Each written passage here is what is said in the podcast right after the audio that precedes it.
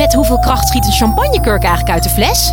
Ja, het is feest bij Quest. Al twintig jaar serieus leuk, met nieuwsgierige vragen en antwoorden uit de wetenschap. Zo maken we Nederland elke dag een stukje slimmer. Nu in de winkel en op quest.nl. Universiteit van Nederland. Hoi, hier Marijn van de Universiteit van Nederland. Hoe zou jij het vinden om elk jaar te stemmen op een politieke partij in plaats van elke vier jaar? En dan ook nog eens op je verjaardag. Prachtig cadeau, toch? Het is een idee van Nienke Tromp. Zij is social designer aan de TU Delft. Ze kwam op het idee voor stemmen op je verjaardag door als ontwerper naar onze democratie te kijken.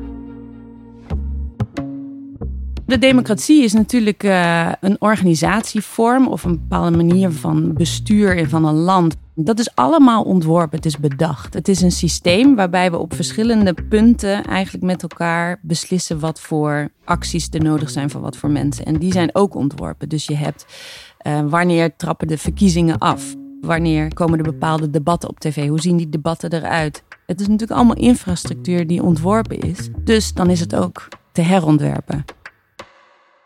De democratie bestaat natuurlijk al ellenlang en is nooit aan verandering onderhevig geweest. We denken ook dat het het summum is. Hè. Als je wereldwijd kijkt, is de democratie de meest zeg maar, ontwikkelde vorm van, vinden we. Maar ook daar kunnen we weer een verbeterslag maken. Ook daar kun je innoveren. Uh, alleen is dat nergens belegd. Er is niemand bezig met innovatie van onze democratie, terwijl we aan alles voelen dat het uh, niet meer functioneert zoals we zouden willen.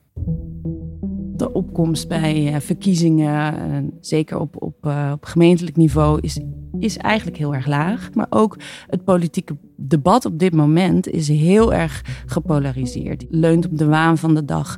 Heel erg door middel van social media ook. De rol van social media die natuurlijk de, laatste jaren enorm een plek heeft gekregen. Ook in dat speelveld. Gaat het veel meer over publieke opinie voor politici. Het gaat veel meer over wat is smaakmakend. Wat trekt kijkers. Wat trekt luisteraars. Wat trekt reuring op internet. Wat polariseert.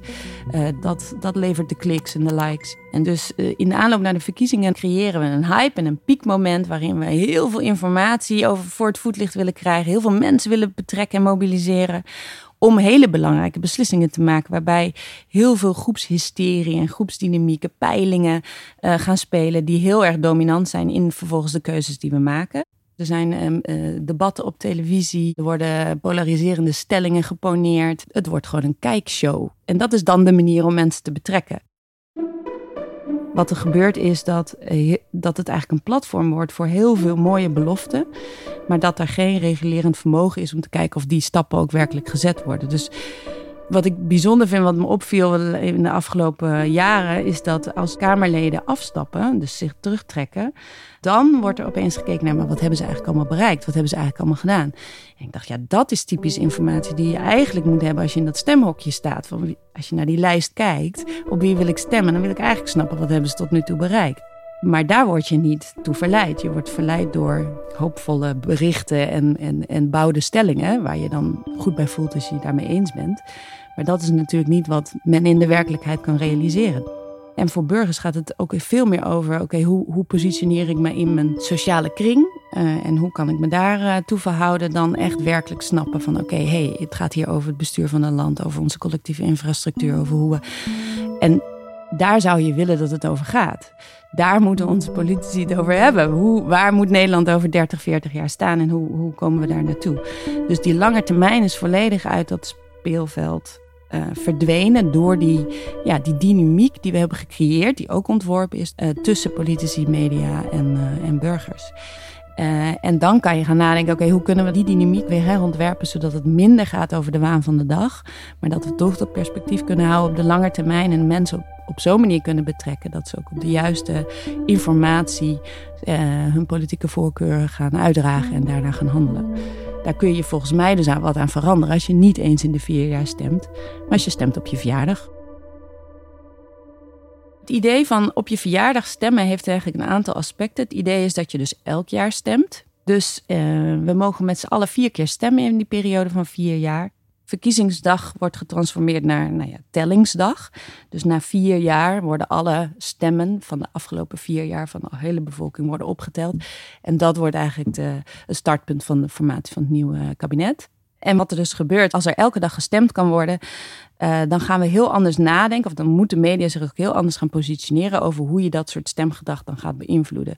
En het idee is, uh, op die tellingsdag kijk je alleen maar terug naar de afgelopen vier jaar. Om te kijken, oké, wat hebben partijen nou werkelijk gedaan om het, om het tijd te keren? Of om op een bepaalde manier hun, hun partijprogramma, hun visie, zeg maar, werkelijkheid te laten worden. Welke stappen zijn gezet? op het moment dat je dan in die vier jaar als, als politicus heel erg in de waan van de dag en heel erg op mediagenieke momenten bent bezig gegaan, dan val je daar door de mand. En de minder zichtbare, die minder hè, op die waan van de dag zijn gaan regeren, maar echt zijn gaan kijken van oké, hoe komen we nou in vier jaar een stap verder?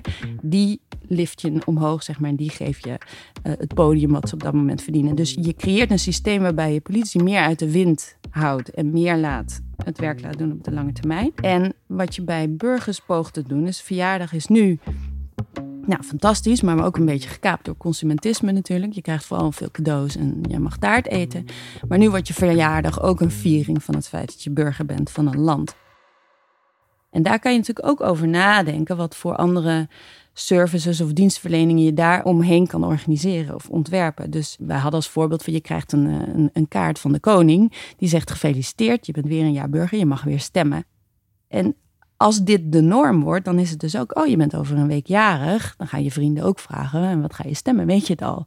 Dus je, je krijgt alsnog wel op die manier de dialoog rondom stemmen die je wil. Want je wil wel dat, dat mensen zich ervan bewust zijn en dat het een cultuur is. Maar het wordt niet meer die massapsychose van die eens in de vier jaar met peilingen. Eh, waardoor je toch ook weer strategisch gaat denken, oh, die gaan kop aan kop. Misschien moet ik toch switchen. En dat is zo'n dominante dynamiek. En als er elke dag wordt gestemd, want elke dag is er wel eens iemand jarig, krijg je dus een veel continuere betrokkenheid. Je krijgt continue dagelijkse gesprekken van mensen rondom verjaardagen die gaan over politiek. En het idee is dus dat je continu stemmen hebt. Dus al uh, gebeurt er iets waarvan jij dacht, dit zou gebeuren en het gebeurt niet. Uh, dan ga je leren en dan ga je ook weer je vrienden van morgen, die over een maand jarig zijn, ga je zeggen, nou, ik heb dit gedaan. Maar een week later kwam ik erachter dat dat dus helemaal niet de goede redenering was. Dus het is, wij hebben nu vier jaar om dingen te vergeten. En je wordt weer getriggerd op bepaalde sentimenten. Uh, en nu krijg je veel meer ja, een continu regulerend systeem. En hopelijk dus een dynamiek die veel meer gaat over nou ja, stappen zetten in plaats van uh, mooie beloftes of, uh, of mooie stellingen poneren op televisie.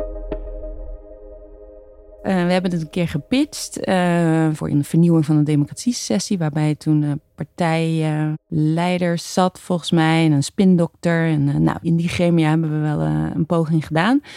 Um, die waren heel kritisch. Internationaal hebben we ook wel het een en ander nog bereikt. Maar je merkt toch dat um, er worden natuurlijk heel veel beren op de weg gezien. Vaak van technische aard, wat ik niet zo interessant vind. Dan denk ik, ja, daar vinden we wel een oplossing voor. Uh, en het is natuurlijk ook moeilijk, want je veronderstelt best wel een verandering, uh, wat best spannend is, waarvan we ten dele niet weten hoe het gaat lopen. Dus je moet daar natuurlijk ook een proces voor implementeren om dat goed te kunnen reguleren en bij te kunnen sturen.